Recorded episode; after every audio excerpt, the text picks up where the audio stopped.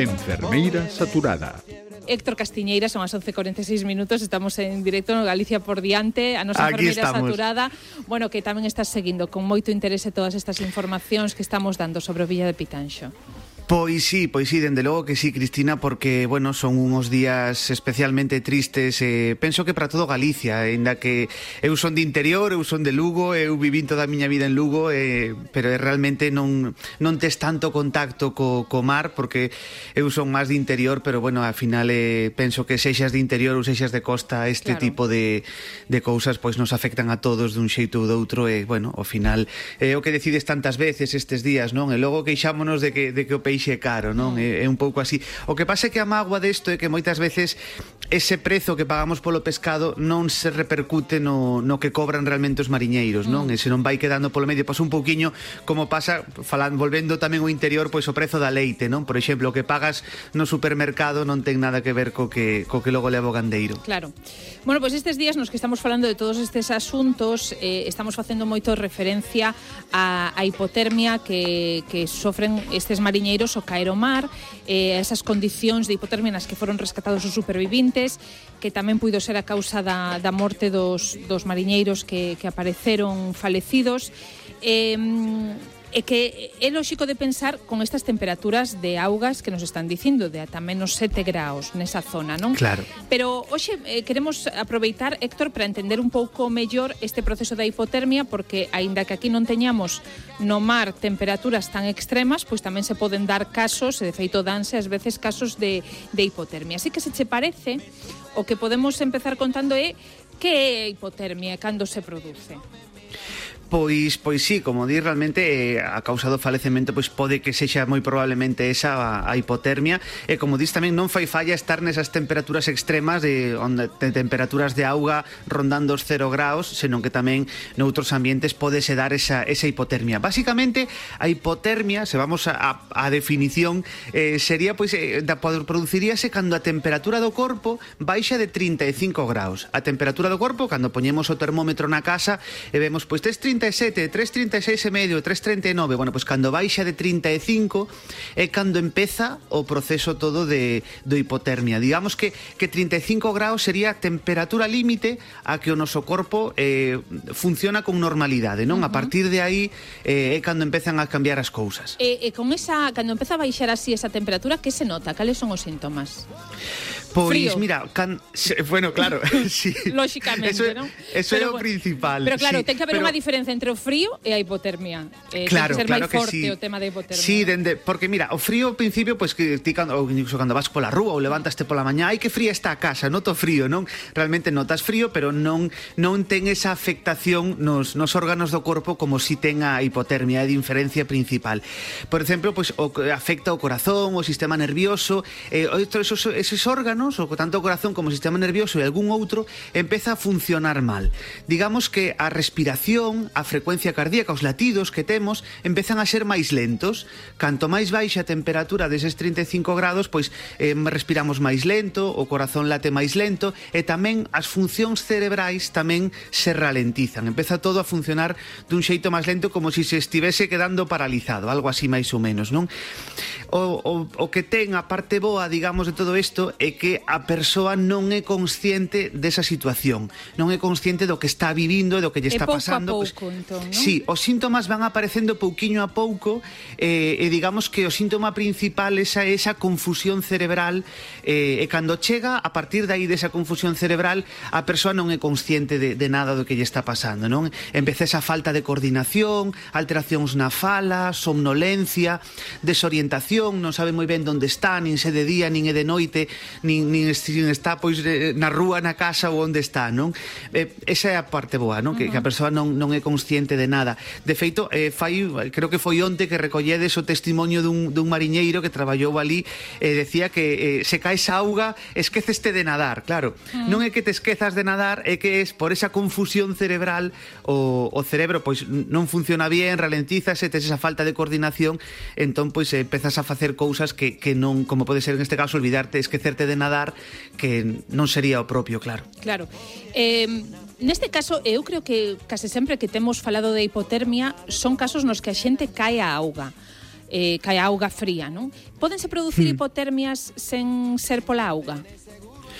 Sí, sí, podese, podese producir, porque a hipotermia non tes necesariamente que caer na auga para, para ter esa hipotermia, non? Tamén pode pasar, por exemplo, veíamos o caso fai unhas semanas eh, dunha, dun coñecido fotógrafo francés pois que eh, sí. caía na rúa e eh, que precisamente por estar toda a noite na rúa eh, sí. entrou en hipotermia e tamén acabou perdendo a vida, non? Realmente, na auga, o que pasa é que na auga a hipotermia prodúcese moito máis rápido que fora dela. Digamos que a auga conduce o calor fora do corpo, ou seja, provoca que, que perdas ese calor 25 veces máis rápido que o aire. Entón, como se a velocidade da hipotermia se multiplicase por 25 na auga.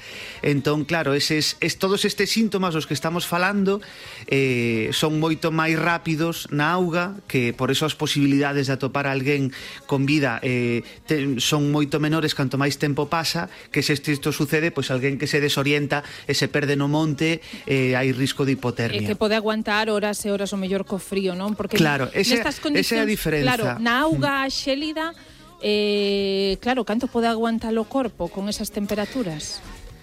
Pois eh, depende un pouquiño, pero oh, como principalmente o corpo humano, digamos que sumerxido en auga, esa temperatura rondando os 0 graus non vai aguantar máis de media hora eh, é, é unha é, polos estudos que temos sábese que non vai aguantar moito máis e o tempo de supervivencia dunha persoa sí que vai depender moito da temperatura da auga, de se hai vento ou hai oleaxe, porque se hai vento e oleaxe eh, o tempo que vais aguantar, vas a aguantar na auga baixa, tamén das condicións físicas da persoa, da corpulencia que teña, da idade que teña esa persoa, todo iso vai influir, pero digamos que nestas condicións e esa temperatura eh, máis de media hora non, non aguanta espanta ninguén, porque cando, cando esa temperatura corporal de que falábamos ao principio eh, segue baixando, porque decimos que a partir dos 35 graus é cando empezaban todos os síntomas, non? Pero cando sigue, sigue baixando e chega aos 28 graus, aí xa a parada cardíaca é inminente eh, e non podemos facer. Incluso, aunque esteamos ali os servizos de rescate, eh, se baixa deses 28 graus centígrados, xa non hai prácticamente nada que facer porque o corazón deixa de latir e, como digo, a parte boa é que a persoa non se está enterando de nada do que lle está, do que lle está pasando. Uh -huh. Eh, en o caso da xente que, que sobrevive e que é atopada con hipotermia, como neste caso superviventes, hmm. non? Que, que eu agora entendo cando nos dicían ao principio, apareceron con síntomas de hipotermia e en shock, non? eh, pois ao principio pensábamos, claro, en shock pola situación que acaban de vivir. Claro, pola situación que acaban de vivir e tamén pola propia hipotermia, non? que lles produce eh, eses claro. síntomas, como ti nos acabas de dicir. Como se trata unha hipotermia e eu penso neste caso, claro, bueno, agora nos contarás, pero neste caso eh, foi tratada nun, nun barco, non? Porque eles continúan nun, nun barco, non puideron ser aínda trasladados a un hospital. Como se trata unha hipotermia? pois eh, a, a, o instinto primeiro é, é quitar a roupa que está mollada e, e poñer calor, non? Canto máis mellor. Pois, veña a poñer mantas, veña a poñer, vamos a poñelo ben pretiño dunha estufa, vamos a darlle canto máis calor mellor, pero pero non é así realmente, non? Ese ese requencemento, por así decirlo, ten que ser progresivo. Igual que foi perdendo temperatura pouco a pouco, ten que ir gañando esa temperatura pouquiño a pouco, e non non debemos, claro, es, penso que neste barco cando rescataron, non sei se había sanitarios universitarios ou non eh, farían o, o, que, o que sabían ou o que xa tiñan eses coñecementos por algún curso de primeiros auxilios que fixeran ou algo, non? De todas formas, fixeron o ben porque, bueno, a fin, a fin e a cabo eses, es, os supervivintes es, están aí, non? Aínda que sí que é certo que deberían estar varios días en, en observación eh, cando atopamos alguén en hipotermia, ben sexa na auga ou, ou fora da auga, deixámolo varios días en observación porque por esa precisamente por esa confusión cerebral, por esa conmoción cerebral, por esa baixada de frecuencia cardíaca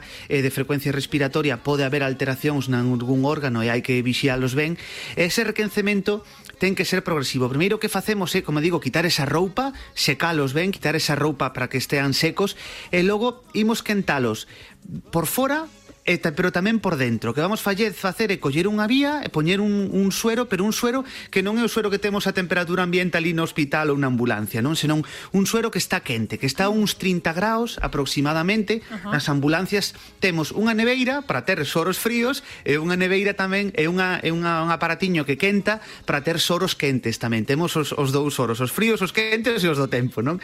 Eh, en este caso utilizaríamos pero esos soros quentes que están Pero non escolle o usuario neste caso.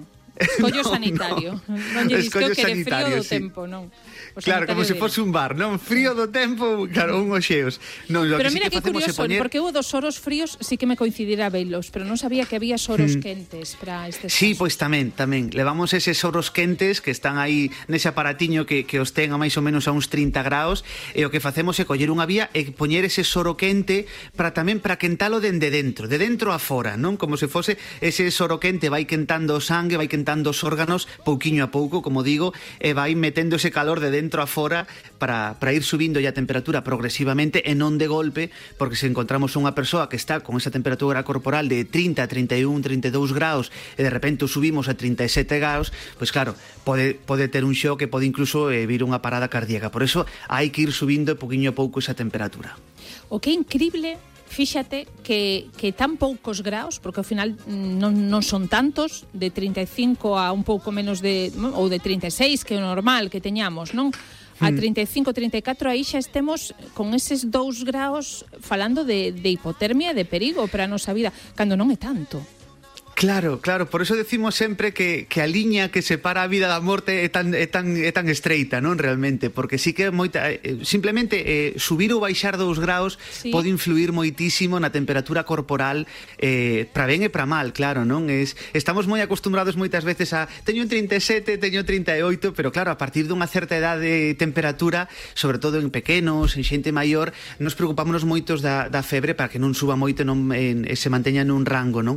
Pero claro, cando cando baixa tamén tamén é preocupante porque como dis nada, baixa estamos normalmente a 36 e medio, pero é que baixa 2 graus e xa estamos eh, cun risco mm. importante e xa o, o propio corpo para tratar de manternos xa está eh, alterando as funcións corporais, estamos xa entrando en risco, non? Entón, esa, es, esa, esa temperatura corporal afortunadamente o, o noso corpo sabe como mantela en condicións normal, claro, non mm. non cando caemos nesas nestas augas ou cando estamos o perdidos non sen abrigar, pero sí que normalmente traten mecanismos para tratar de corrixir un pouquiño esa, esa temperatura. E que pasa cos que de normal temos 35 e medio? sí que é certo que, que hai persoas que, que normal que todo o mundo parece que 36 e medio a temperatura a temperatura Eu cando normal. teño 36 e medio case que me empezo, digo, uh, casi que tes febre, non? non? Digo, claro, ás veces é cando digo, ui, teño un pouco de malestar, vou mirar, non? E digo 36 e medio, e dime, non tes febre, digo, mm, para mí xa eh... Para min sí, sí. Sí que é certo que, claro, estos son temperaturas medias, non? Realmente claro. a maior parte da xente ten normalmente 36 e medio, pero logo hai xente que como diste de normal ten 36 ou ou incluso 35,8, 35,6 é a súa temperatura. Bueno, pois neste caso, eh, se, a se unha persoa con 36 e medio entra en hipotermia a partir dos 35, pois neste caso ti que estás máis acostumbrada a esa temperatura baixa, pois terías un pouquiño máis de marxe para baixo, non? Pero, Pero revés, sí que... para arriba non o teño, claro. Pero para arriba, claro, claro para arriba non, claro. Bueno, pois Héctor, moitísimas grazas unha semana máis. Mandamos un bico moi forte. Grazas por ser tan, eh, bueno, tan didáctico, como sempre. Sí, sobre todo moitas grazas e unha aperta e un bico moi grande a, a todas as persoas do mar e neste caso pois as persoas dos familiares dos desaparecidos e dos falecidos. I feel like